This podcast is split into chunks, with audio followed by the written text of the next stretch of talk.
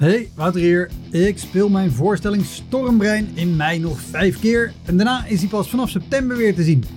Op 2 mei speel ik hem in de Rijswijkse Schouwburg. Op 10 mei in de stad Schouwburg in Utrecht.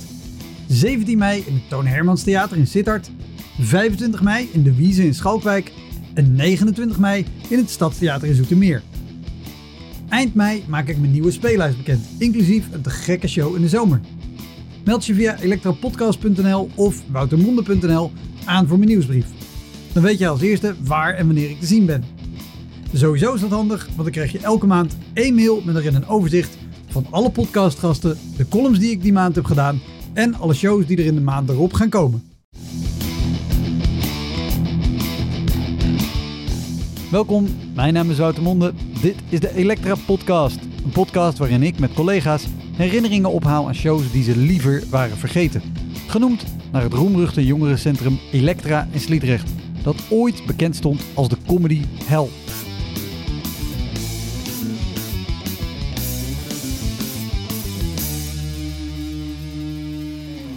Deze week is mijn gast Kirsten van Tijn. Toen ineens hoorde ik klink, klink, klonk, klonk. Echt heel veel geluid van kopjes. En toen zei ik, wat gebeurt daar? Het is pauze! En toen besloot die vrouw dus gewoon, het is nu pauze! Zij won het Griffioen Zuidplein Cabaret Festival en daarna het Groninger Studenten Cabaret Festival. En sindsdien toert ze door het hele land met haar voorstellingen. En ze is ook steeds vaker op tv te zien. Heel veel plezier. Dit is de Elektra Podcast met Kirsten van Tijn.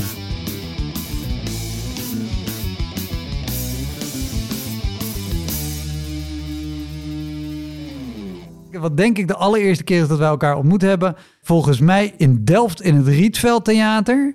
Daar was een soort open podiumachtig iets Ja. in de foyer, niet eens in de zaal. En de zaal is al heel klein en de foyer is nog veel kleiner. En dat presenteerde jij en Marco Lopez samen. Oh ja, jeetje, dat je dit nog weet. Toen zat ik nog op school ook gewoon. Ja, dat, dat is heel lang geleden. En ik, volgens mij was dat ook onversterkt. Ik heb geen idee hoe die, hoe die show verder was. Maar staat je daar nog iets van bij? nu je het zegt eigenlijk, ik, ik moest dus aan een ander moment denken. ehm, dat, dat terzijde, van een eerste ontmoeting. Maar dat was ook, dat was op een pop, in een poppodium ergens in het oosten van het land. Dat was helemaal geen cabaretpodium. Maar dit is eigenlijk bijna hetzelfde vergelijking van hoe... Nou ja, Rietveld Theater is heel leuk, maar dat in de foyer was. En ik ben ook helemaal geen presentator. Dus volgens mij waren dat ook de eerste stappen dat ik ook maar probeerde iemand aan te kondigen. ik weet niet meer hoe gênant dat was. Maar eh, ja, daar staat me nu weer iets van bij, ja. Dat was een... Dat, ja, maar dat was, toen volgens mij zat ik in mijn derde jaar op de academie... en mocht ik daar een beetje iets proberen van hoe het is... om voor een publiek te staan wat anders is dan docenten Ja, van de Koningstheateracademie. ja precies. ik wou zeggen de Academie Koningstheater Ja. Academie in de Bos. De opleiding Ja. voor, eh, waar je leerde... voor cabaret en kleinkunst. Eh, wa- want wa- wat was het ook echt pas dat je in je derde jaar mocht gaan spelen, zeg maar? nou, of ging sterker spelen? nog, na je afstuderen mocht je pas gaan spelen. Dus dat was eigenlijk al heel illegaal dat wij daar op zondagmiddag in de stromende regen in een foyer iets stonden uit te kramen. Wat anders was dan een presentatiemiddag georganiseerd voor studenten en docenten eigenlijk. Maar dat is ook hoe, want volgens mij weet ik nog dat we elkaar daar ook tegen zijn gekomen. Heb je mij zelfs aangekondigd in het Griffioen natuurlijk. Dat was mijn Ja. stiekeme auditie, want dat mocht niet. Ja. Ik mocht helemaal geen auditie doen. oh, en Griffioen Zuidplein Cabaret Griffioen Festival. Zuidplein Cabaret Festival. En daar kondigde jij eh, mij aan. En was dat, was dat de voorronde? Ja, de, de voorronde. Dat was de allereerste vreselijke vijf minuten... dat je mag laten zien hoe leuk je en, bent. en, en ik, ik heb inderdaad een aantal van die middagen gepresenteerd. Eh, ik heb het festival zelf ook ooit meegedaan toen ik echt net begonnen was. En echt per ongeluk de finale gehaald en geen idee wat ik aan het doen was. En daarna eh, nog wel vaker terug geweest als, als presentator. Beschrijf even die auditiemiddagen. Nou ja, dat is sowieso eh, dat is heel uiteenlopend. Qua, je komt dan van een academie af waar dan een soort van kleinkunst cabaret geleerd wordt. En dat is dan ook al van zo hoort het. En ik dacht de hele tijd, ja, maar ik kan toch ook iets anders. Of ik had niet zo'n leuke schooltijd, laat ik het daarop houden. Of tenminste, ik werd veel tegengewerkt. En dat heeft me uiteindelijk gebracht waar ik nu ben. Dus dankjewel. Maar dat waren eigenlijk zo de stappen voor een publiek anders dan eh, docenten en leerlingen, wat vreselijk is. Want dat is zo'n in-crowd ding. Dus ik kwam daar eigenlijk dat ik dacht, hé, hey, een ander podium, andere mensen, wat fijn. Alleen ja, die vijf minuten, of misschien waren het wel drie minuten, laten zien wat je kan. Ja. Uh, met totaal uiteenlopende mensen. Ik bedoel, ja, uh, nou ja, het was, het was heel je... verschillend, weet ik nog. En weet je nog, misschien wel dat iemand goochelen deed, punt. Weet je wel? Dus dat het... Het was toch? Dat was toch alles ja, ik zit wat te in zo'n of, of, voorronde ik er, zat? of ik er ooit goochel heb gezien. Nou dat ja, denk ik nog net Voor niet. mijn gevoel maar was het alles. er, er was inderdaad van alles. En ik wilde vragen, weet je nog ho- hoe laat jij speelde? Nee, Want dat is om even een goed beeld te schetsen van hoe deze eh, middagen waren. Want cabaret en kleinkunst en comedy is natuurlijk per definitie het leukst s'avonds. Mhm. Dat is nou eenmaal ja, waar het het beste gedijt. zaterdagochtend om 11 Deze, deze middagen inderdaad begonnen zaterdagochtend Ja. 11 uur. En dan was het meestal in blokken ongeveer van een uur. Ja, En daar zaten dan nou, ongeveer elf mensen in die allemaal vijf minuutjes mochten stik doen. zenuwachtig te zijn. Ja, in een heel Alle klein... leeftijden was ook altijd dat zo. ook, alle leeftijden, ook alle vormen. Want jij dus bijvoorbeeld gewoon met een vooropleiding, weliswaar illegaal, maar wel met een vooropleiding. Ja, Eh, eh, comedians die al gewoon lekker bezig waren in het open mic circuit en ervaring hadden. Maar ook mensen die nog nooit, voor een publiek hadden gestaan. En die kwamen daar ook doen. En in een heel klein eh, filmzaaltje van eh, ehm, Cultureel Centrum Griffioen. Waar ook een grote theaterzaal is. Maar dit was een filmzaaltje waar 50 man in kon. Waar hooguit 15. 15, waarvan vijf man jury. Eigenlijk eh, een beetje deze tijd is het. Dat, dat was Ja, toen, maar nou dat ja, was toen verschrikkelijk. Want toen waren we zalen vol nu, nu zou die auditiedag gewoon uit kunnen verkopen. Met 30 man. En heel gezellig zijn en heel normaal. En inderdaad, iedereen stik zenuwachtig. Dus er werd altijd wel aangemoedigd van blijf kijken voor anderen. Of kom vast in de zaal zitten voor als je dadelijk zelf moet spelen. Maar iedereen was heel zenuwachtig met zijn eigen ding bezig. Dus de- ik heb En jij daar... mocht dan iedereen aankondigen. Ja, en het was ook echt gewoon aan- en afkondigen. Want er was ook amper ruimte om Ja. verder iets Een soort coach. Doe maar, doe maar, ga maar. te doen. ja, en, en om een beetje positiviteit Ja. erin te pompen. Ik weet wel, ik vond het heel leuk om te doen. Maar het kostte me altijd heel veel energie. Want ik moest Ja. dus ook nog eens vijf van die blokken op een dag doen. Met dus gewoon 40 of 50 mensen aankondigen. En ook met zo'n middag, vijf minuten klinkt heel kort. En dat is het ook. Maar na één minuut weet je echt wel of iemand iets kan of niet. Ja. Dat zie je direct. En dan zijn die laatste vier minuten prima. Maar je ziet ook binnen één minuut of iemand echt niks kan. Mm. En dan duren die laatste vier minuten nog heel erg lang. Ja, en toch, ik was 21 volgens mij, of 22. En toch was ik stikzenuwachtig of ik door die voorronde was. Terwijl je dus eh, al drie jaar op een opleiding zit. Maar ja, je kijkt overal tegenop als je jong bent en als Ja. je op een opleiding zit. En dan Griffioen Zuidplein, het, ik had het volgens mij tegen twee of drie mensen op school verteld. Oh, weet je wel, meteen de zenuwen en eh, nu al een kijkje wel uit. Ik heb ook pas, toen ik in de finale stond, tegen de directrice verteld. En die was er ook echt niet van gediend En dat waarom- ik dat stiekem deed. Dus. Waarom was dat zo'n... Ik heb die verhalen vaker gehoord. Dat, dat het in die zin dat, dat, dat de Koninklijke Theateracademie heel... eh, nou, laat ik het positief naderen. Beschermend is. Ja, maar dat is het ook. Ja, het is ook. En, eh, maar is dat het? Of, of wat, waarom, waarom zit die rem er zo op? nou, ik denk dat het misschien nu wel wat losser is geworden. Ook door dus types die dus wel gewoon gingen en het deden en het positief uitpakten. Maar eh, volgens mij is het op elke toneelschool wel een beetje normaal dat je dat, dat of het is iets heel groots waar je dan gevraagd, waar je voor gevraagd wordt, maar dat je gewoon vier jaar lang een veilige plek hebt in huis waar je op je bek kan gaan. En dat je dus niet in een finale totaal op je bek gaat, waar dan eventueel een krant bij zit of iets. Ja. En dat je het verpest kan hebben voor de rest carrière, voor je, van je carrière. Want dat gebeurt dus ook wel eens. Van, Ja.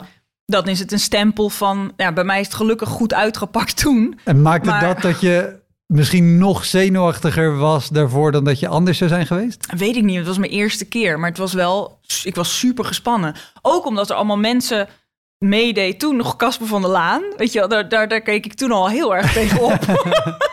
ja, en- en nog steeds. Maar weet je, daar zit je dan mee in een finale. En dat, dat, dat, ja, ik ben gewoon heel goed in tegen mensen opkijken. Dat is steeds minder hoor. Maar dat was toen ik 20, 21 was, was dat echt zo eh, sky high. En weet je wie er nog in jouw finale zaten?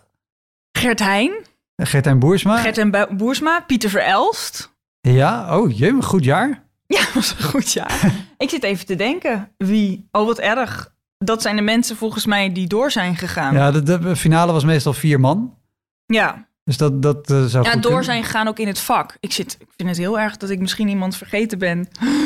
Nou ja, goed. Die schieten me nu even te binnen. Is ongetwijfeld na te zoeken op Wikipedia. Ja, dus als je dat heel graag wil weten. eh, Google Griffioen Zuidplein Ja. Cabaret Festival. Jaar 2011, Ja. 12, zoiets. Ja, en ehm, want even iets anders. Je, je zei al, dat was voor het eerst optreden voor publiek. Eh, gewoon in het echt anders dan Mm. voor medestudenten en leraren. Wat is, wat is de, de, de pijnlijkste of de lastigste presentatie die jij op school hebt moeten doen? Dus voor medeleerlingen en, en, en docenten? Mm, nou, ik was, ik was iemand eh, die alles uitgeprobeerd heeft eh, op de academie. Dus eh, ik heb ook hele serieuze dingen gedaan. Of dan wilde ik een, een toneelmonoloog. Ik was totaal aan het zoeken naar wie of wat ik was en wat ik als performer was. Ook omdat eh, op zo'n academie wordt heel snel ingezet op ben je cabaretier, ben je kleinkunstenaar en daartussen kiezen. En ik wilde eigenlijk alles zijn toen nog.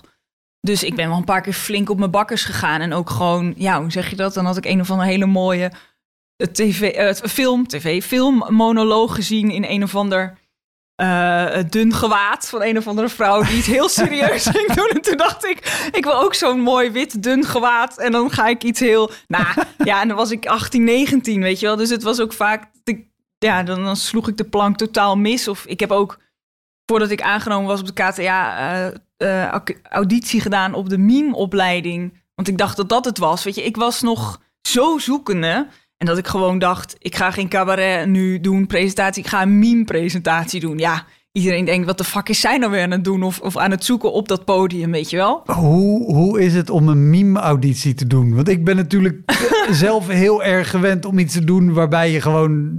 Je krijgt reactie en dat is lach. En als die uitblijft, dan, dan is het mislukt. Ja. Eh, met, met, met zang of kleinkunst denk ik dat je ook veel meer de sfeer in een zaal wel Hmm. aanvoelt. Maar hoe is dat met, met meme? Ja, ik ben sowieso... Eerst dacht ik altijd, ik wil acteur of actrice worden. Dus ik ben eerst al die toneelscholen afgegaan. En toen zeiden ze in Maastricht... Jij bent een maker en eh, het- daar werd ineens heel veel gelachen. Dat wist ik ook niet. eh, dat ik grappig. Of dat er, dat er een lach aan mijn kont hing. Dat zeiden ze daar. Je, je moet eens gaan kijken in Amsterdam of Den Bosch. En dat, dat wist ik helemaal niet. Maar ik, toen dacht ik nog, nee, ik ga naar, eh, de meme vind ik ook interessant. Ik zat nog heel erg in die artistieke hoek te denken. Ja. Nou, en toen op de, bij de meme-auditie, daar kwam ik zo bont en blauw uit. Want dan moet je je ook de hele tijd laten vallen. En keihard ook.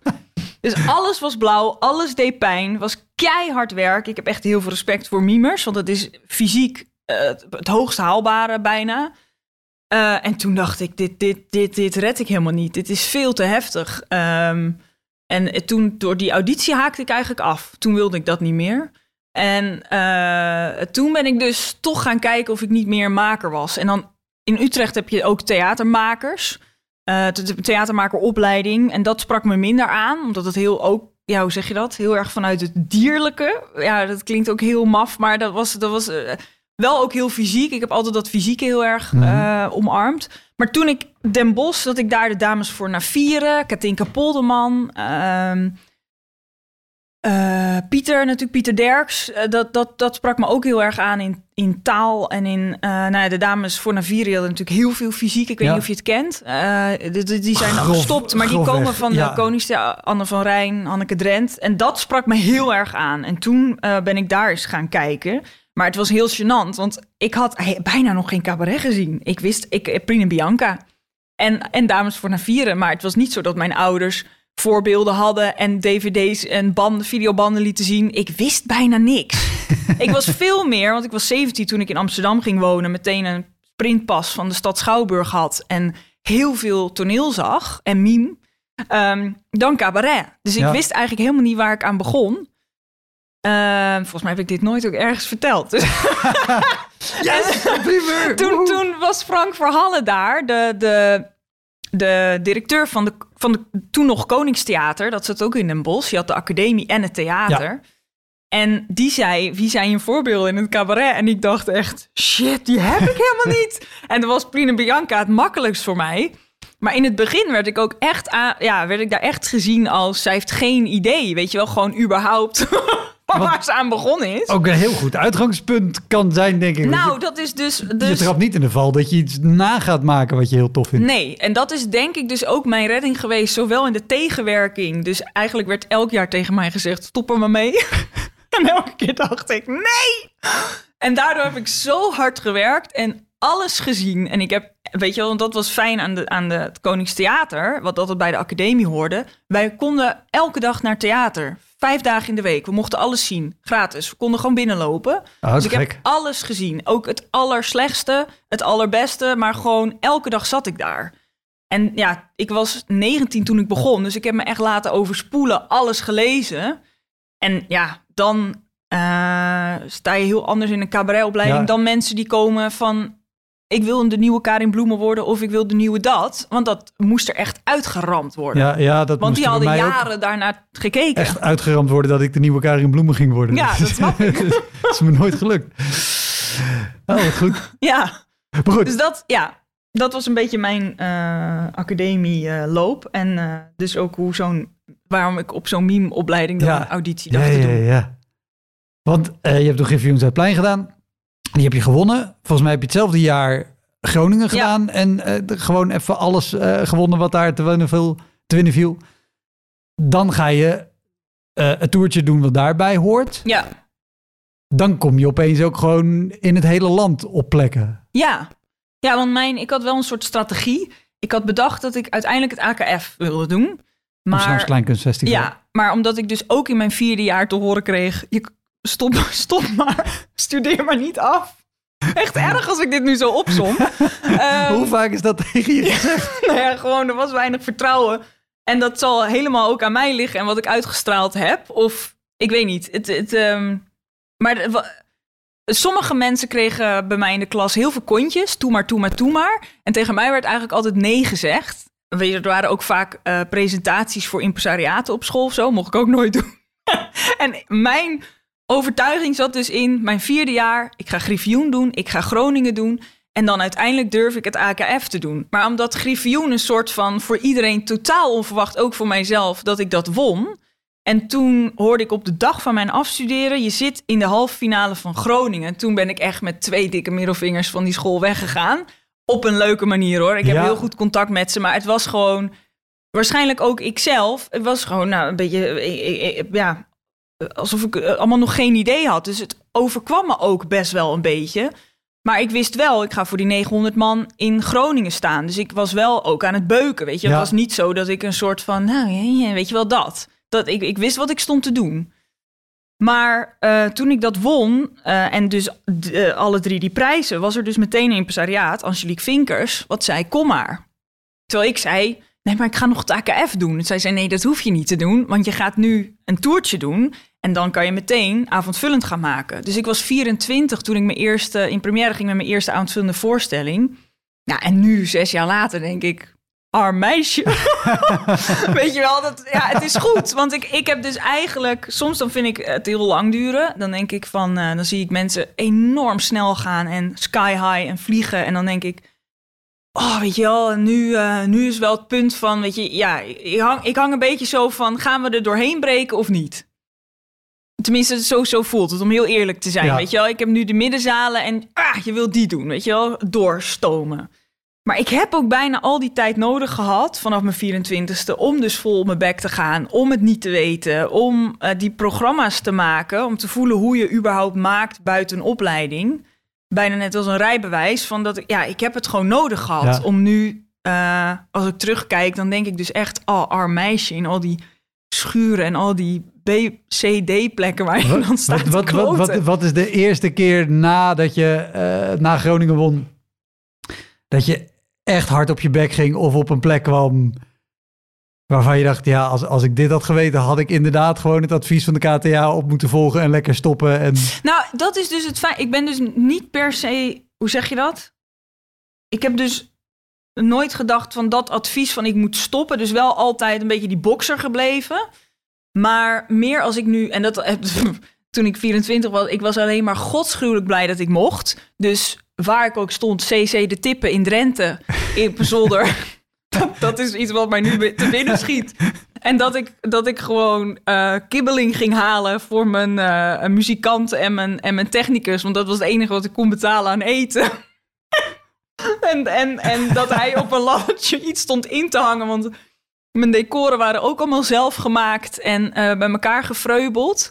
Maar ja, zo heb ik het wel geleerd, snap je? Dus, dus, Ja. dus ik heb eigenlijk bijna nooit gedacht van, eh, van oh, ze hebben gelijk of ik had moeten stoppen nou, of dat- dit. dat- dat- dan Maar- stel ik de vraag verkeerd. Nee, ja, ja, maar- meer dat ik gewoon ehm, eh, dat ik eh, altijd weer altijd maar weer iets probeerde of, of er naartoe ging. En dan ook zo'n CC de tippen helemaal eh, dat ik tegen iedereen dan weer helemaal oh het was zo leuk en dankjewel weet je wel. Dat ik denk oh tering al die energie weet je wel, die je erin hebt gestopt in in, in, in al die schuren en, gera- en al die kleine weet je wel dat dat heeft me gebracht waar ik nu ben. Ja, maar het is heel grappig om op terug te kijken en dus ook te denken van, oh ja, ik, wilde zo snel, maar dat, ik, had dat, ik heb dat allemaal nodig gehad om te zijn waar ik nu ben. absoluut. En dat ik waarschijnlijk over vijf jaar zal denken, wat zat ik toen te vertellen in die podcast, weet je wel? nou ja, Al die d- fases. ja, dat. En, en waar je nu zegt, ik zit in middenzalen en ik wil een stap Ja, hoger. ja.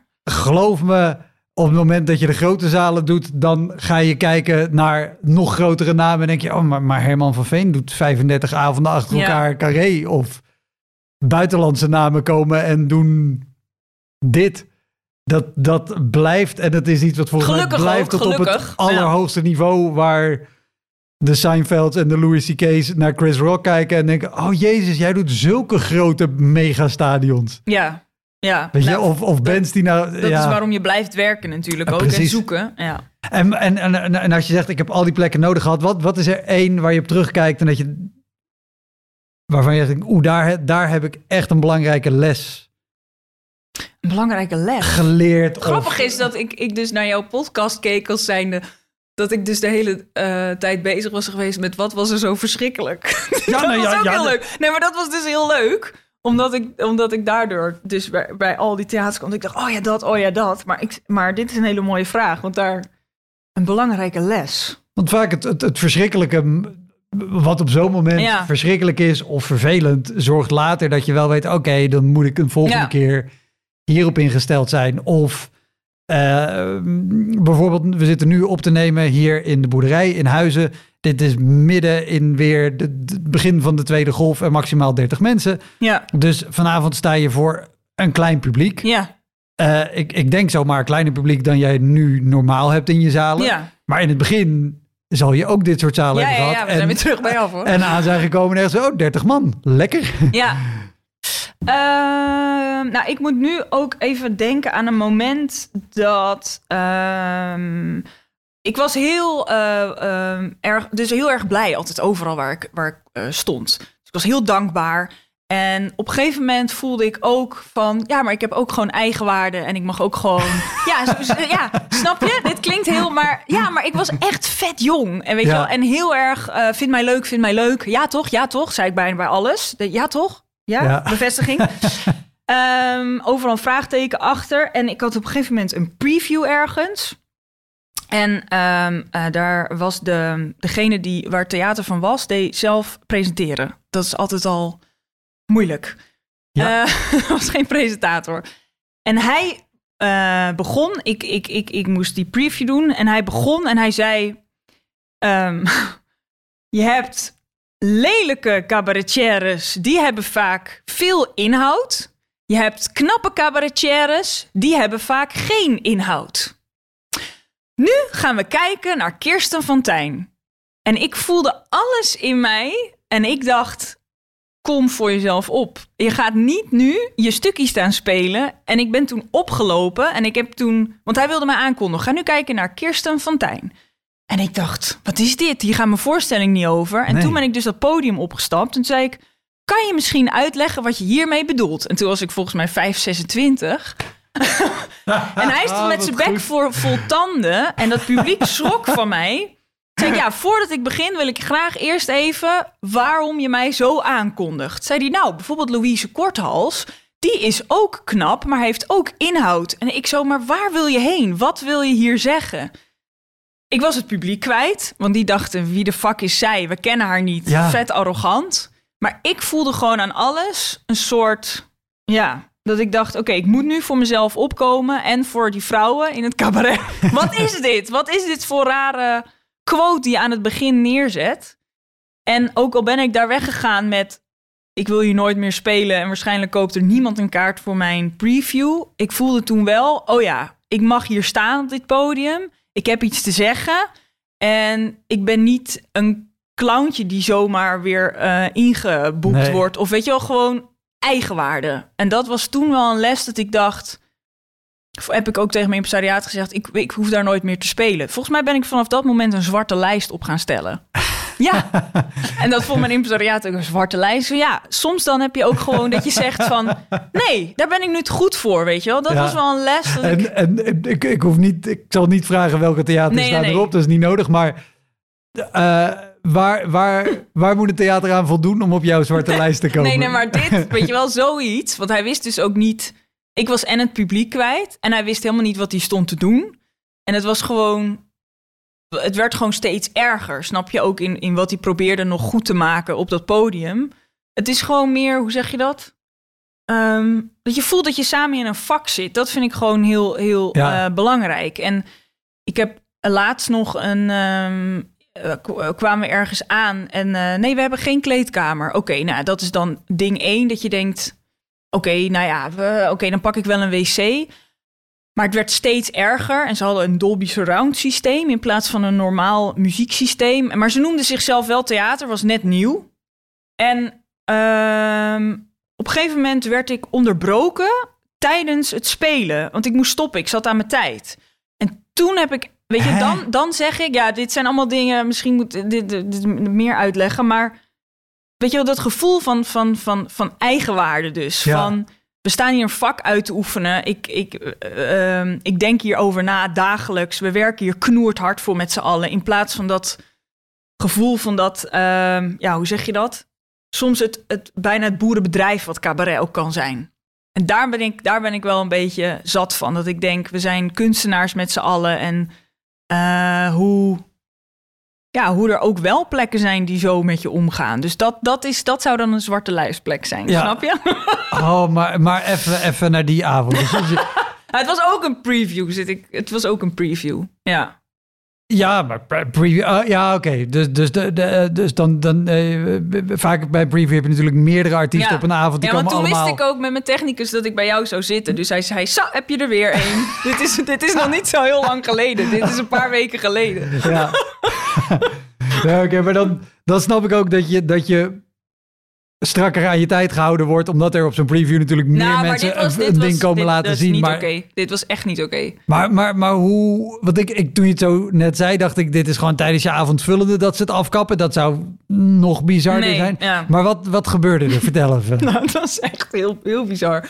We kwamen sowieso binnen en eh, toen was het gewoon geen theater. Het was een bingozaal.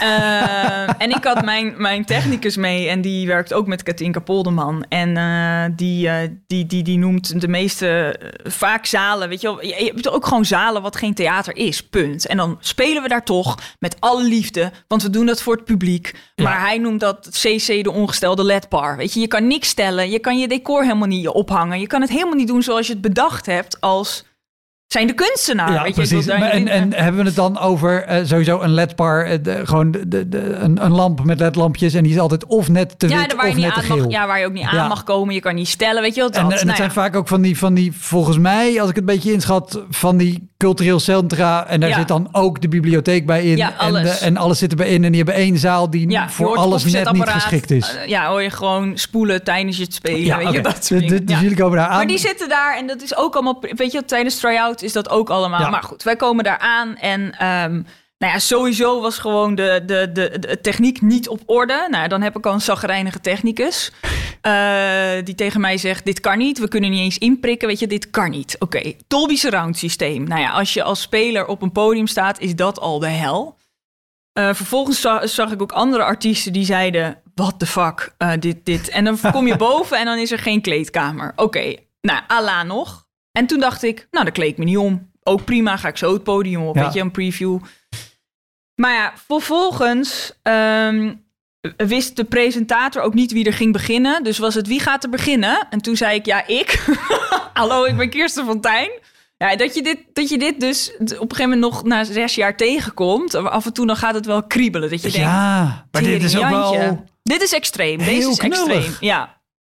En, maar het allermooiste is nog... Vervolgens dacht ik... Oké, blablabla, fuck it. Ik ga. En ik begon met spelen en het ging echt goed. Ik had het publiek bij me, want ik doe het altijd voor die mensen die daar zitten. Ik denk altijd meteen ogen en communiceren. Kijken, spelen. Weet je wel, maakt alle omstandigheden. Ja, En mijn technicus dacht ook, zo, die hebt de knop gevonden, weet je wel. Die gaat gewoon rammen. En ineens hoor ik in de zaal heel laag gebromd. waren voornamelijk eh, wat oudere mannen. Vind ik ook altijd mooi. Dat je toch ook altijd een maatschappelijke werkplek bent. Gewoon voor een soort opvang. dat, je dat je vaak ook gewoon op plekken speelt. Dat er acht, 88-plussers zijn die vermaakt moeten worden. En dat mijn technicus soms ook denkt, daar gaat heel veel energie in zitten. Daar heb ik altijd heel, heel erg mee te doen. Dat het is gewoon wel vaak aan de hand. Nou, dat was hier ook zo. En eh, nog net niet incontinent. Nee, ja, heel lief. Maar heel lief. Maar deze niet. en ik hoor zo... En ik zo, eh, gaat het? Ehm, en ik zo, kan iemand met mij communiceren wat hier aan de hand is? Ik zo, wordt er iemand niet goed? Ik probeer het nog op die toon te spelen. Want het gebeurt ook wel eens dat er iemand niet goed wordt. Ik wil altijd lief blijven. Weet je, altijd vanuit liefde reageren. Ik ben geen afhakker. Ik ben Ja. geen stand-upper. Ja, je zit aan je tijd. En toen zei ik, oh, maar ik had 15 minuten gekregen en ik weet exact altijd hoe lang dat is. Dus weet je wel, dus ik zei, ik heb dat getimed. Dat zei ik niet op dat moment, maar ik zei, ik zit daar nog lang niet aan. Nee, 10 minuten. Ik zo, nou ja, mij is gecommuniceerd 15 minuten, maar zal ik het dan afronden? Ja, nu. Zei ik, oké, fijne avond, fijne middag nog, dank u wel. Toen dacht ik, nu is het klaar, weet je wel. Al die tegenslagen op de Oh. hele dag. En de krant zat erbij. Om, eh, kra- de, de, nou, er zat een krant bij. Niet eens. Eh, van, eh, nou ja, goed. Eh, eh, van Brabant, weet je, de, je, je moet eigenlijk niet gaan zoeken. Ja, je gaat nu toch zoeken. Eh Brabants Dagblad zat er. Oh, dat, ja, Ja, dat is nog best, een groot regionaal eh, ja. blad. Ja. Best wel groot. En ehm, de volgende dag ging ik op vakantie. En toen kreeg ik allemaal doorgestuurd dat het dus Kirsten van Tijn weggelopen in theater. En het stond dus in het Brabants Dagblad. Oh, maar, En toen had ik het gedaan. En toen, toen dacht ik echt, oh, maar ja, dat is zo lastig. Ik ga me niet verdedigen, ik ga het ook niet delen, weet je wel. Ik heb helemaal geen zin in een relletje. nee. Maar wat we soms tegenkomen en hoe teringhard je soms moet werken... en dan nog moet zeggen, oh nee hoor, is niet erg, geen kleedkamer. Oh, ik krijg niks te drinken. Ah, Oké. Oh, je weet niet wanneer ik moet beginnen. Oké. En nu moet ik ineens nokken en dan nu. En toen dacht ik echt, en toen heeft mijn technicus ook gewoon alles van de techniektafel gegrist wat hij kon pakken. Toen hebben we buiten hebben we ingepakt, want we waren er gewoon helemaal klaar mee. Weet je, het was gewoon echt nu, dit was de grens. Nou ja, en toen stond het dus ook nog in de krant. Maar ik, heb, ik ben toen wel dat ze zeiden nu stoppen, weet je wel. Toen dacht ik, je laat me niet eens afronden. Dan heb je Nee. gewoon geen respect voor artiesten. Dat was wel even weer dat ik dacht, wat de fuck ben ik aan het doen? En dan sta je s'avonds, we reden door eh, naar een ander theater waar we avondvullend speelden. En dan is het fantastisch geregeld, helemaal aan deze tijd. En de liefde en, Ja. en, en Maar zit het ze- vol. Ik bedoel dat je nou nog...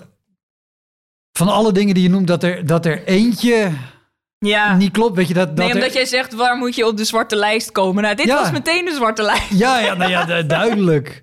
Nee, maar ik bedoel, weet je, het kan nog gebeuren dat je zegt... oké, het is een preview, alle kleedkamers zijn in gebruik... dus we hebben er voor jou geen één. Of je moet Nee. erin, dat kan.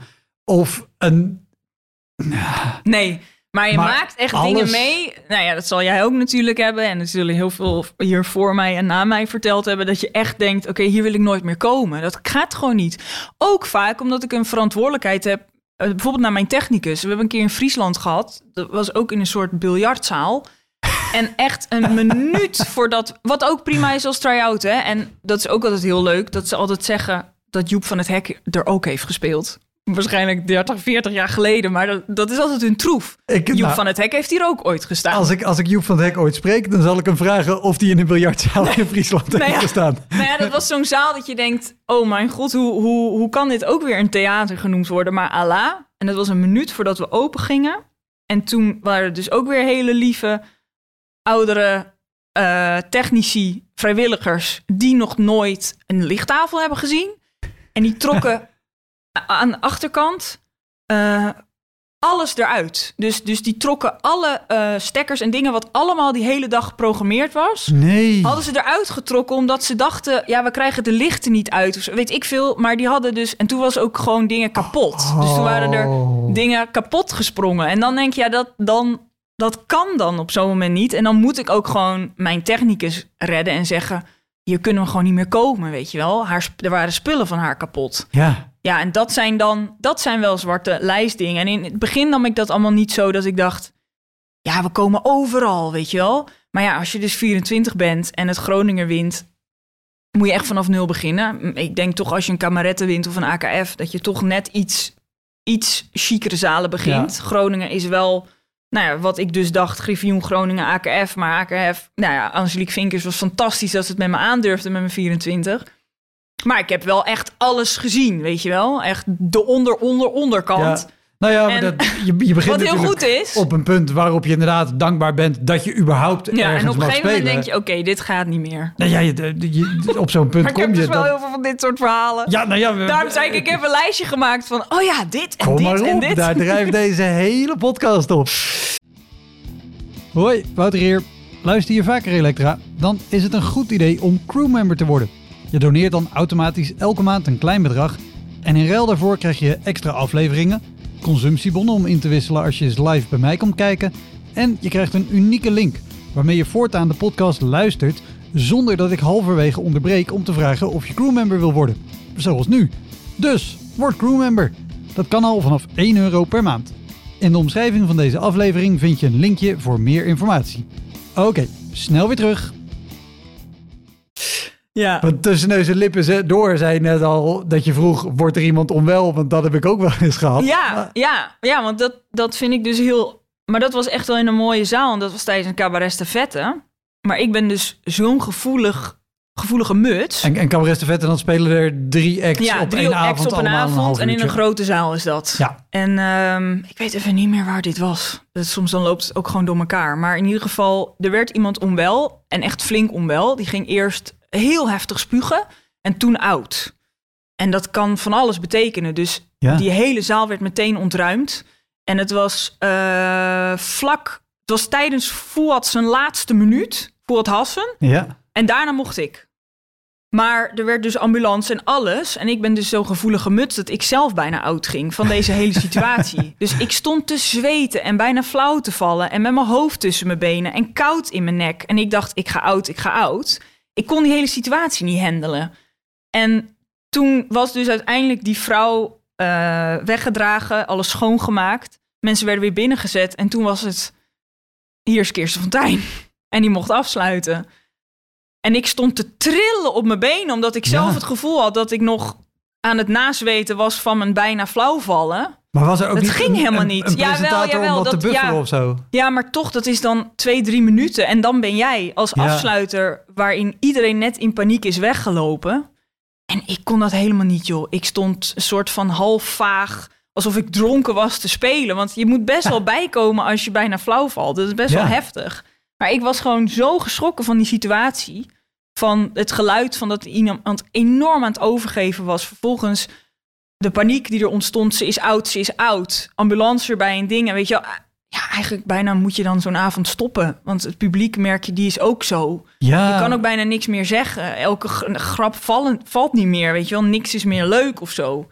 Je krijgt die sfeer niet meer terug. Maar sindsdien heb ik wel iedereen die ook maar wegloopt... waarvan ik niet eens weet of hij wegloopt... om een slechte voorstelling of weet ik wil iets. Maar ik ga er altijd van uit eh, dat iemand niet goed wordt. Of, of dat er iets is, weet Ja. je wel.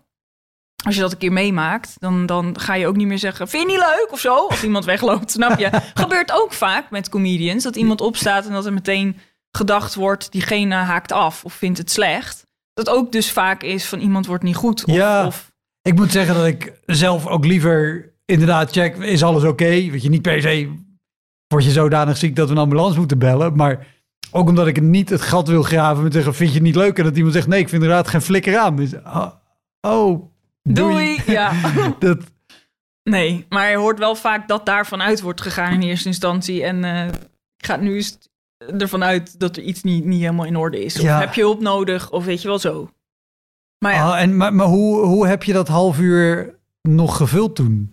nou, bizar slecht. Het ging helemaal niet. Dat was verschrikkelijk. Ik was, wat ik zeg, ik was er half bij. Was een soort aan het zweven en nog aan het natrillen en shaken en zweten. En dat was de hel. Ik denk niet dat ik daar ooit meer terugkom. nee, dat was echt heel, heel naar. Hoe lang is jouw lijst met theaters waar je niet meer terugkomt? Ja, nee. Nee, nee, nee. Ik bedoel dat ik niet meer terug word gevraagd daar. Oh, omdat het zo ja, slecht ja, ging. ja. Het ging zo slecht. Nee, dat- Nee. Nee, daarom. Nee, maar daarom omdat je net ook zei van... eh, het is natuurlijk ook leuk om over die zwarte lijst te hebben... maar dat er dan wel zoveel moet gebeuren dat ik zeg... ook dus om mijn technicus bijvoorbeeld te sch- beschermen... van dit gaat gewoon niet. Maar dat komt dus ook omdat ik overal gespeeld heb. Ja. Wat ook heel leuk is. ja, nou ja, het is gek. Het maakt je alleen maar Ja, geharder, denk ik, om nu ergens te komen wat misschien suboptimaal is en te denken, ah, oké, dit Ja. kan ik, want ik ben ook... Ja, je hebt ook theaters die drie voorstellingen in het jaar boeken. die heb je ook. En die noemen zich ook theater, maar dat is helemaal geen theater. Maar dat, dat is ook, ja, dat, dat vind ik ook altijd heel grappig. Wat, wat is een, een plek, misschien ging het er hartstikke leuk, maar die het eh, in, in, in alles het verste afstond van een theater zoals je in je hoofd hebt bij het woord theater? Ehm, ik denk dat bejaardentehuis.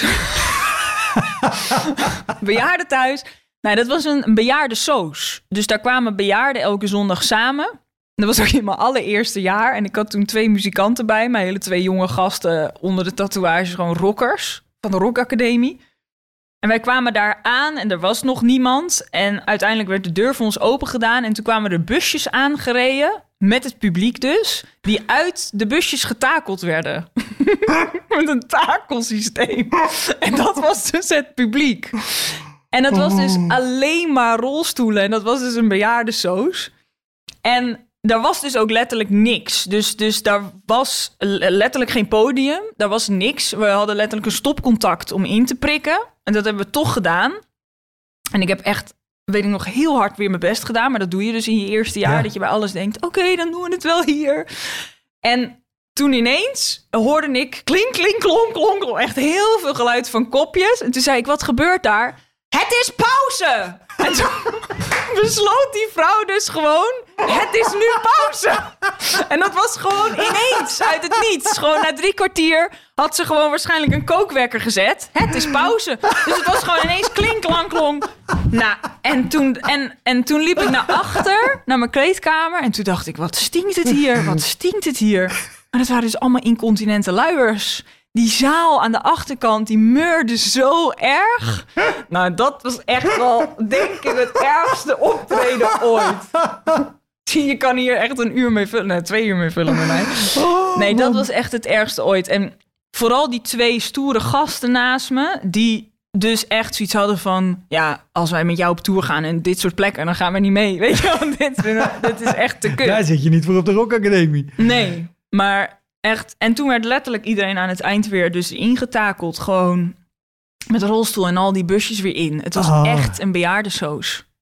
En zij hadden af en toe een klarinet optreden of een piano optreden. Maar hoe ze mij daar in godsnaam neer hadden gezet, geen idee.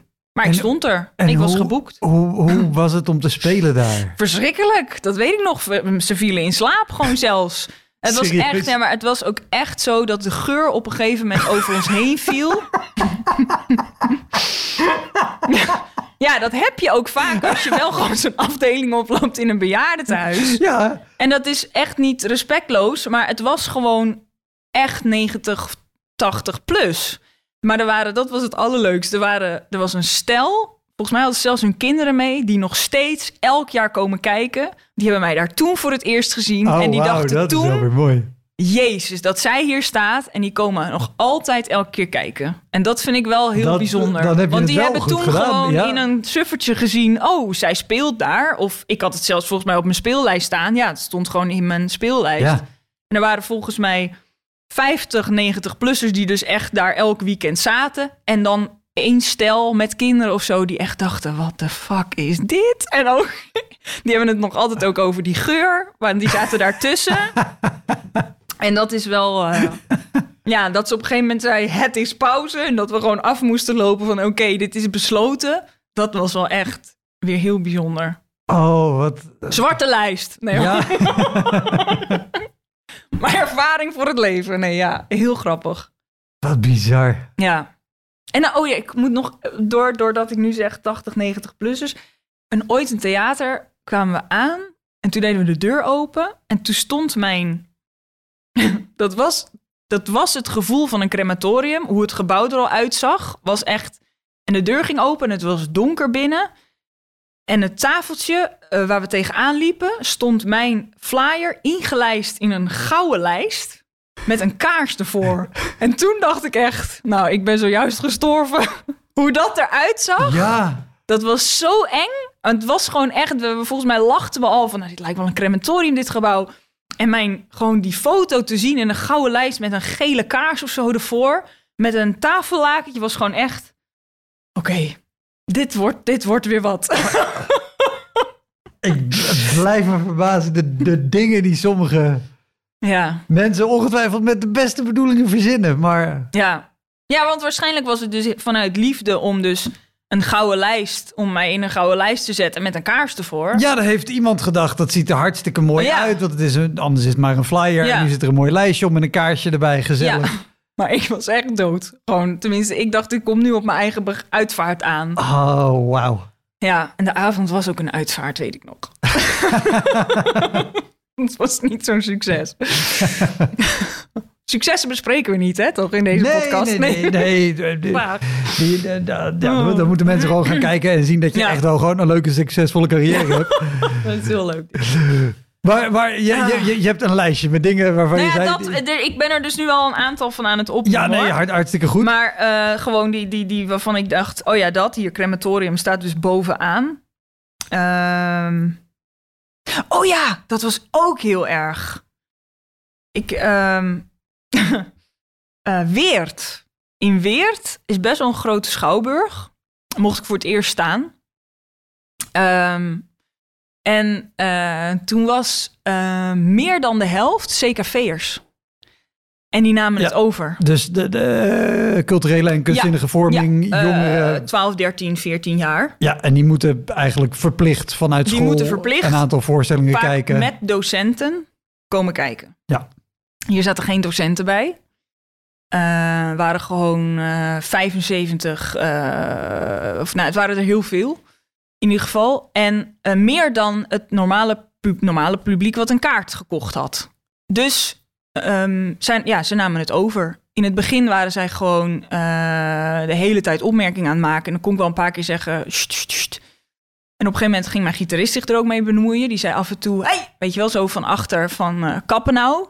Maar op een gegeven moment begonnen ze dus eh, uit te boeien en te jouwen. En ik kreeg ze niet stil. En op een gegeven moment ook hele nare gebaren. Dus befgebaren en middelvingers. En, en ik kon dat dus niet meer managen. Dus het was aan de ene kant een, ja, minder dan die 75 CKV'ers. Ja. En aan de andere kant was ik een juf aan het spelen die zei nokken. En eh, op een gegeven moment begon er ook eentje heel hard te gillen. Maar die had, en toen zei ik, en nou is het klaar. Die had dus een bloedneus. Dus toen was ik dus ook weer de gebeten hond. Omdat zij natuurlijk al een, een, een uur mijn voorstelling aan het verkloten waren. En dat ik de hele tijd dacht, Theo Maassen was al tien keer afgelopen. Theo Maassen was al twintig keer afgelopen. Theo Maassen, die had al lang, weet je wel. En dat ik dacht, weer aan die eigenwaarde. Hoe lang ga ik door? Hoe lang Ja. ga ik door? En mijn, mijn knieën begonnen steeds meer te knikken. Maar dat was echt een nachtmerrie. Daar heb ik ook wel echt wakker van gelegen. En super lief, de volgende dag belde de directrice en die zei dat dat nooit mogen gebeuren. En normaal hebben dus, wist ik niet.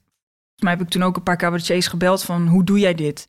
Nooit meer dan 10% van de verkochte kaarten is CKV. Nou, ik had nog nooit van die regel gehoord. En ik had het daar nooit met mijn impresariaat over gehad. Maar dit was dus blijkbaar helemaal fout gegaan. Dit was allemaal niet gecommuniceerd. Vanuit theater niet, waarschijnlijk ook vanuit de eh, scholen niet, dat die ineens allemaal kwamen. En ik wist het ook niet. Dus Nee. ik kwam op en ik zag ineens huh? allemaal 12, 13-jarigen zitten. En dat dat dan overgenomen wordt, dat je dus weggeboet wordt. Oh, dat was echt, jongen. Ik, ik liep jankend af. Ik Ja. heb echt staan janken in de kleedkamer. Maar de volgende dag werd er een hele grote bos bloemen vanuit het theater... dat dit nooit had mogen gebeuren.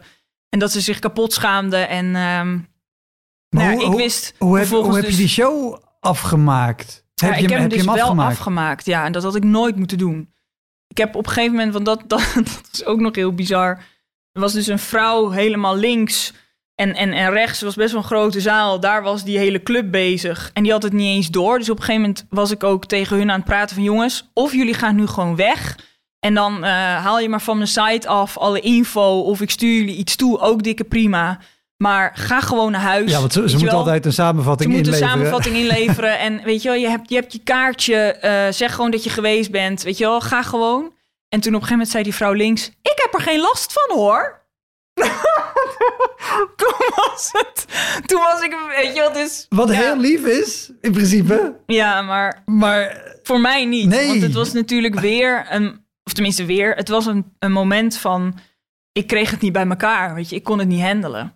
En, en op zo'n moment zelf, wat, wat raakt jou dan meer? Het feit dat jij het niet in de hand hebt en niet kan beheersen? Of het feit dat er zo'n groep gewoon zo Nee, je kan het bijna. Ja, dat. verkloten? Ja, schaamte. Ja, dat. En je kan het. Je, niemand. Ja, sorry dat ik het. Maar niemand had dit kunnen beheersen. Je kan niet. Nee, nee, nee. Als in dat zie je dat ze gewoon. Ze hebben. Ze waren zo brutaal. Ze hadden zo'n Ja. grote bek. Wat ik zeg van die eh, bef-achtige, gewoon vieze, vieze gebaren zaten te, te maken. En dat Leon ook op een gegeven moment volgens mij het zelfs tegen mij zei: we gaan. Weet je, dit kan niet. Want, want ik, ik, het was En gewoon Leon is je, je gitarist. gitarist, ja, Ja. Dat, dat, daar, daar heb ik vijf jaar mee getoerd. En, en nou ja, het, het was gewoon... Mijn mijn eigen waarde ging, was gewoon, zat al ver onder de grond. En ik ging maar door en ik ging maar door. En eh, achteraf bleken ze ook, ik liep dus huilend af mijn decor in te zijn gestormd. En dingen gepakt te hebben. Dus mijn technicus moest ook nog daarop afrennen om te zeggen, blijf er af. Maar het was zo niet opgevoed. Er zaten geen docenten bij. En het was... Ik heb ook een paar keer hulp naar de coulissen geroepen vanuit het theater. Maar er waren ook niet genoeg mensen om dus die club te beheersen. Ja, het was gewoon net als in een, in, een, in, een, in een discotheek. En er ontploft iets wat je niet met één man beveiliging Ja. aan kan. Ik, nee, ik kon het niet aan. En dat was... Maar ik heb daar echt nog een paar keer nachtmerries over gehad. Echt, dat is echt... Zo lang heeft dat nog mij achtervolgd. Want ik heb ooit van iemand... Maar heeft Pieter Jouke dat zelfs tegen mij gezegd? Dat je tot 11 uur de volgende ochtend last mag hebben van iets. dat vind ik een hele goeie. Om, om... Leuk. Ik, ik, ik weet hoe, eh, eh, hoe Pieter Jouke eh, hier aankomt. Hier heb ik het namelijk met Pieter Jouke Oh, wel eens echt? over gehad. Oh, En het is de, de Sarah Millican regel. ja, dat is hem. Ja. Sarah Millican, Ja. een hele grote, hele goede Britse comedienne. En die heeft inderdaad de Sarah Millican, de 11 o'clock rule. ja, En je mag je tot 11 uur de volgende ochtend ofwel geweldig voelen omdat je heel goed hebt gespeeld. Maar om 11 uur dan moet de knop om en weer alle focus op de volgende voorstelling. ja, Of tot 11 uur de volgende ochtend balen dat het ja. slecht En gegaan dan is het klaar. En ook dan is het klaar, het is gebeurd, jammer dan. Ja, En maar dat kon bij de deze niet. ik was zo gesloopt. En ik was zo verdrietig en, en, en ook boos. En mijn eigen waarde was zo weer naar nul. Weet je, dat ik Ja. echt dacht, hoe dan? En dit kan je dus overkomen. En dan ben je dus een soort van aan het vechten. Want ik was echt aan het, aan het boksen, maar met al mijn man en kracht. En ik verloor keihard. Ja, dat, dat is zo heftig om te voelen. Dat, en helemaal van 12, 13-jarigen die alleen maar eh boe roepen. En eh, stond ik weer een kwetsbaar liedje te zingen. Weet je, ik heb natuurlijk ook best wel kwetsbare voorstellingen. Ja. En, en mooie liedjes tussendoor. En daar waren ze gewoon doorheen aan het schreeuwen en aan het boeien. En, en achteraf denk ik, oh mens, je had gewoon na 10 minuten al weg moeten Ja. lopen. Had het theater het maar op laten lossen. Want, want hoeveel, hoeveel ruimte heb jij zeg maar, binnen je voorstelling om in te grijpen als er, als er in die zin iets gebeurt in een zaal? Niet zo extreem als, als het 50% CKV is, maar er zal ongetwijfeld de afgelopen zes jaar eh, wel vaker iemand in de zaal hebben gezeten. Ja, die- ik heb daar altijd heel veel ruimte voor. En ik doe dat ook graag. Weet je, ik ga graag het gesprek aan. En ik, ik, heb, ik, ben, ik heb altijd heel veel contact met mijn publiek. Wat ik heel leuk vind. Eh, dus ik kan vaak gewoon een gesprek beginnen en dan hop weer doorgaan. Alleen, nou, hier werd ik gewoon zo vaak uitgetrokken. En zo op zo'n eh, respectloze manier dat het gewoon niet meer ging. Ja. En dat eigenlijk niemand wist. Want ook, ik liep huilend af. En ik weet nog dat de huistechnicus ook echt zo stond van... Dit heb ik nog nooit meegemaakt. En die wist ook helemaal niet... Weet je wel, ze wisten eigenlijk niet wat ze nog tegen me moesten zeggen qua... Dat ze het ook gewoon verschrikkelijk vonden en zich zonden op te vreten in die coulisses van... "Oh, dat wij dit haar aandoen. dat dit gebeurt, snap je? Ja, Ja, dat is echt een beetje horror, nachtmerrie. ja. een beetje, joh. Een beetje joh, heel erg, ja. Raap jezelf weer bij elkaar. Zijn, zijn er andere shows die, die, die erbij zijn waarvan je... wa- Waar je echt zo bij elkaar hebt moeten rapen achteraf? Mm, nou, dit is wel echt het hoofdvoorbeeld. Maar ja, ik heb me wel vaker bij elkaar moeten rapen. Ja, dat is, dat is eh, volgens mij iets wat in dit vak ook gebeurt. Je hebt fantastische avonden en dan heb je ook avonden dat je echt denkt... waarom doe ik dit? Waarvoor doe ik dit? Voor wie doe ik dit? En eh, ja, dat je, dat je aan stukken ligt. Ja, dat, ja tuurlijk. Maar Ja. ik zit even te denken... Ik had ook, ook dat was vorig jaar in een, in een zaal gespeeld. En dat, dat was ook weer met allemaal vrijwilligers. En daar werd heel respectloos ook weer met me omgegaan. Als in, weet je, vrouwen disrespect. Vind ik ook altijd een cabaretière. Die hoor ik ook gewoon nog te vaak.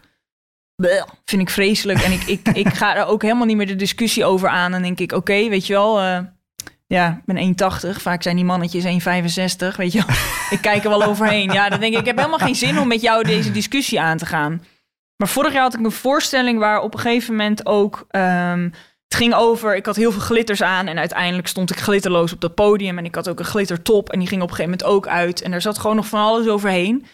Maar ik kwam nadat ik mijn publiek had gesproken terug... en toen stonden ze met mijn BH dus over te gooien. Die vrijwilligers. Serieus? En toen dacht ik ook wel weer... Oh ja, dit, dit, dit is het soms ook gewoon, weet je wel? En dan moet je die dus afgrissen en zeggen... Serieus? Tegen die mannen dus. Is dit, ja? Vonden jullie dit grappig? En dan loop je dus weer als vrouw en denk je... Volwassen vrijwilligers. Ja. Als dat nog de, de 12, 13-jarige pubers zijn die toch al de Ja. hele show om zeep helpen. Ja. ja, en dan moet ik mezelf ook wel weer op de terugweg dat je denkt... Oh mijn god. Weet je wel, gewoon wat er dan weer gebeurt. En dan over serieus genomen worden, weet je wel. Dat, dat, dat, ja, dat, dat zijn wel de momenten dat je je even weer bij elkaar moet, eh, moet rapen of zo. Ja, Je denkt, oh ja, ook dit is het ook. Soms. Bijzonder, hè?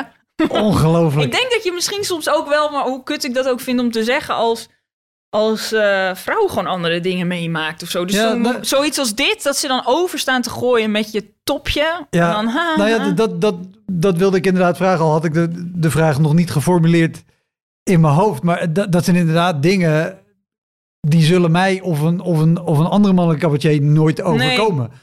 Eh, of dus zo'n aan- aankondiging zoals je in het begin zei. Ja, Ik heb nog nooit een presentator, of het nou een, een, een zaaleigenaar is of een comedian, horen zeggen: de volgende comedian is een hele knappe gast, maar hij heeft wel inhoud. Dat zal alleen bij vrouwen denkt iemand dat dat relevant Ja. is, omdat ja, erbij. het is dan ook een man die je dan dus aankondigt met die tekst. En dan probeer ik probeer er de hele tijd boven te staan. Weet je wel, gewoon als in... eh, dus wel dat ik dan oploop en zeg, wat bedoel je hiermee? En Ja. dan dat hij dus vervolgens eh, het liefst weg wil, weg wil zakken. Maar nou ja, hoe zeg je, het heeft... Ik, ja... Eh, dus dus dat, dat, ik, dat ik er nu dan over kan praten, dat is dan fijn. Of dat je denkt van, oh ja, die verhalen moeten gedeeld blijven worden. En soms dan eh, helpt het me ook om bijvoorbeeld een week later te zeggen... we waren vorige week daar en daar. En heel veel mensen denken dan dat dat verzonnen is. Maar om dat dan weer erin te stoppen, weet je wel. Ook een soort opvoeding van, zo doe je het dus absoluut niet. Ja, En ik heb toen ook nog wel over dat, eh, dat, eh, dat, dat me BH rondgegooid werd. Dat gewoon tegen mijn impresariaat gezegd van... joh, weet je wel, eh, misschien, wat vinden jullie hiervan? Moeten we hier melding van maken van... dit doe je niet, dit is respectloos, zo ga je niet met iemand om, Nee. weet je wel? Dat je toch, ja, dat, dat, dat het, het, het feminisme wat heel veel irritant vinden... dat je toch denkt, ja, maar het zit hier wel dus in, weet je? Dat gebeurt ja en nog steeds en, en, en het is, ja... nog.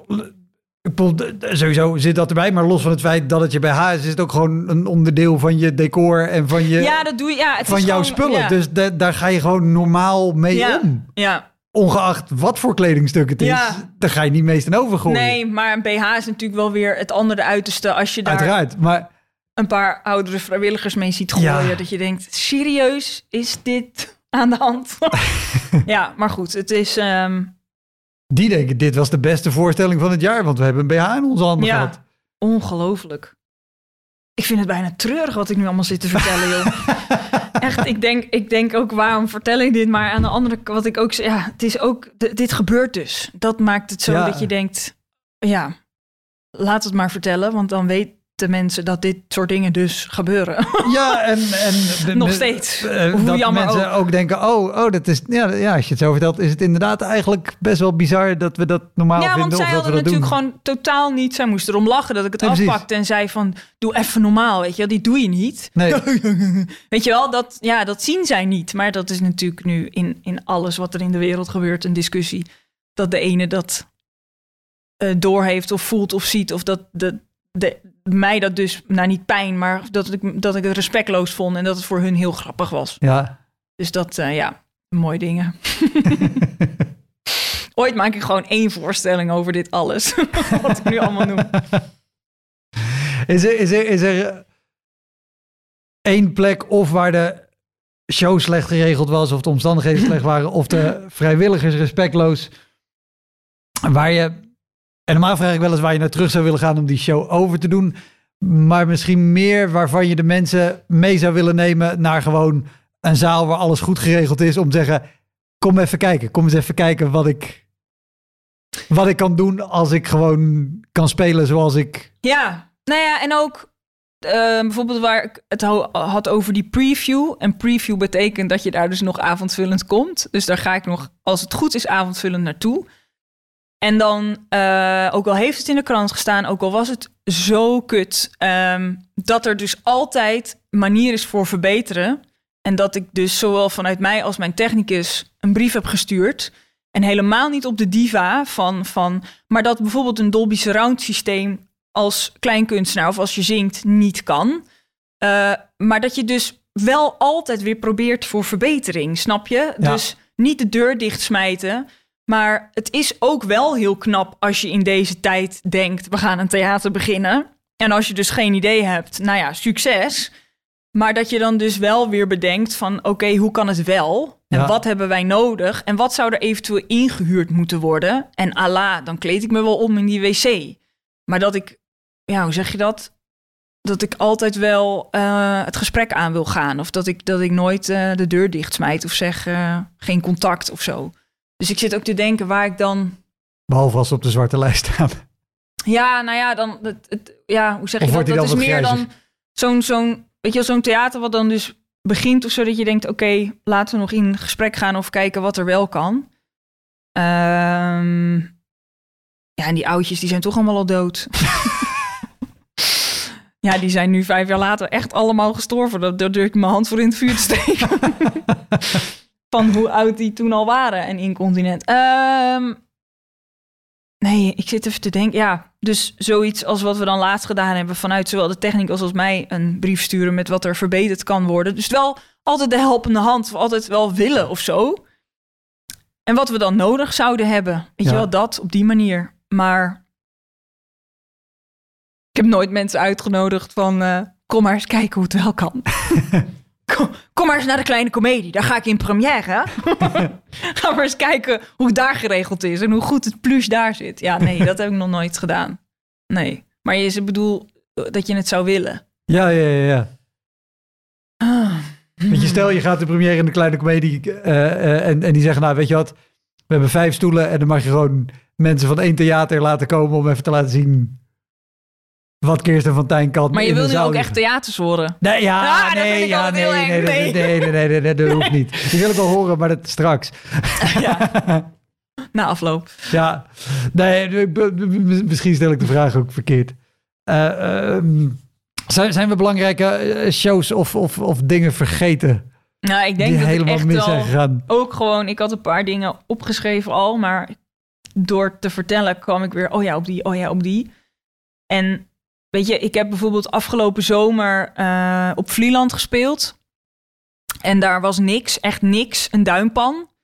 En er zaten honderd mensen op een handdoekje in een duimpan. En dat was de meest fantastische voorstelling ooit. Is ik dat heb de, gewoon... de, de duimpan bij eh, camping eh, Stortemelk? Nee, nee, niet die- die duimpan. Oké. Nee. De- Nee, dat, dat is de eh, duimpan waar Martijn Cardol ook over had verteld. Oh, namelijk, oh, oh, oh, nee, nee, het was een, het een andere duimpan. Het is vanuit het, het, het, sterkte van de theatertje. duimpannen. Ja, heel veel duimpannen. Maar het theatertje op Vlieland. Dat is van Bojan. Ja. En eh, die zei tegen mij van, eh, ja, er kan nu niks. Was toen nog, weet je, dat was echt dat alles op slot zat. Maar hij zei, we hebben een duimpan. Kom je gewoon je verhaal vertellen? En toen dacht ik, nou, als voorlees try-out. Maar omdat ik al wel toch wel wat meer eh, had kunnen spelen, omdat ja, dat er toch weer ruimte voor was, kende ik dat verhaal uit de, mijn voorstelling die ik nu speel al uit mijn hoofd. En heb ik gewoon dat verhaal eh, in mijn klof, nou tenminste ook niet in een pakkie of zo, gewoon in een duimpan voor honderd mensen die van allerlei kanten aankwamen lopen. Mijn vriend zat erbij met de hond en heb ik dat gewoon gedaan. En dat was een magische avond. Dus ik bedoel maar ook, toen had ik ook geen kleed. Er was er niks, weet je wel. Er waren twee bouwlampen die hij in zijn auto aan had gezet, weet je wel. En dan, dan is de magie er en dan is het fantastisch en, en, en zijn mensen helemaal lyrisch. Dus wat dat, weet je wel, dat, dat is er ook. Dus Ja. dat er met heel weinig dingen kunnen. En ja, dat, ehm, ja, dat we dus niet altijd een kleine comedie nodig hebben, maar dat je er wel naartoe werkt. Precies. Dat daar echt die première komt, hoop ik, deze tijd. Zou mooi Ja, zijn. Dankjewel. Graag gedaan. Jij bedankt. Dat was hem, de Elektra Podcast. Meer informatie over mijn gast van vandaag en linkjes naar van alles en nog wat vind je in de omschrijving van deze aflevering. Er staan ongelooflijk veel afleveringen online van Elektra. En op elektrapodcast.nl kan je makkelijk zoeken op de naam van jouw favoriete comedians en cabaretiers. Je kan daar ook eenmalig doneren of crewmember worden. Als crewmember betaal je maandelijks een klein bedrag, maar dan krijg je ook nog eens bonusmateriaal. Je luistert voortaan zonder onderbrekingen en je krijgt consumptiebonnen die je kan inleveren bij een show van mij. Ik vind het sowieso te gek als je een keer komt kijken bij mij. Dus ga naar woutermonde.nl, daar zie je precies waar en wanneer ik optreed. Of meld je aan voor de nieuwsbrief, dan hou ik je op die manier op de hoogte. En dan nog iets, elke vrijdagmorgen doe ik een column op radiostation Kink. Je kan die column terugluisteren als podcast. Hij heet Kink op de Week en je vindt hem in de app waar je ook deze podcast luistert. Oké, tot de volgende Elektra. Hoi!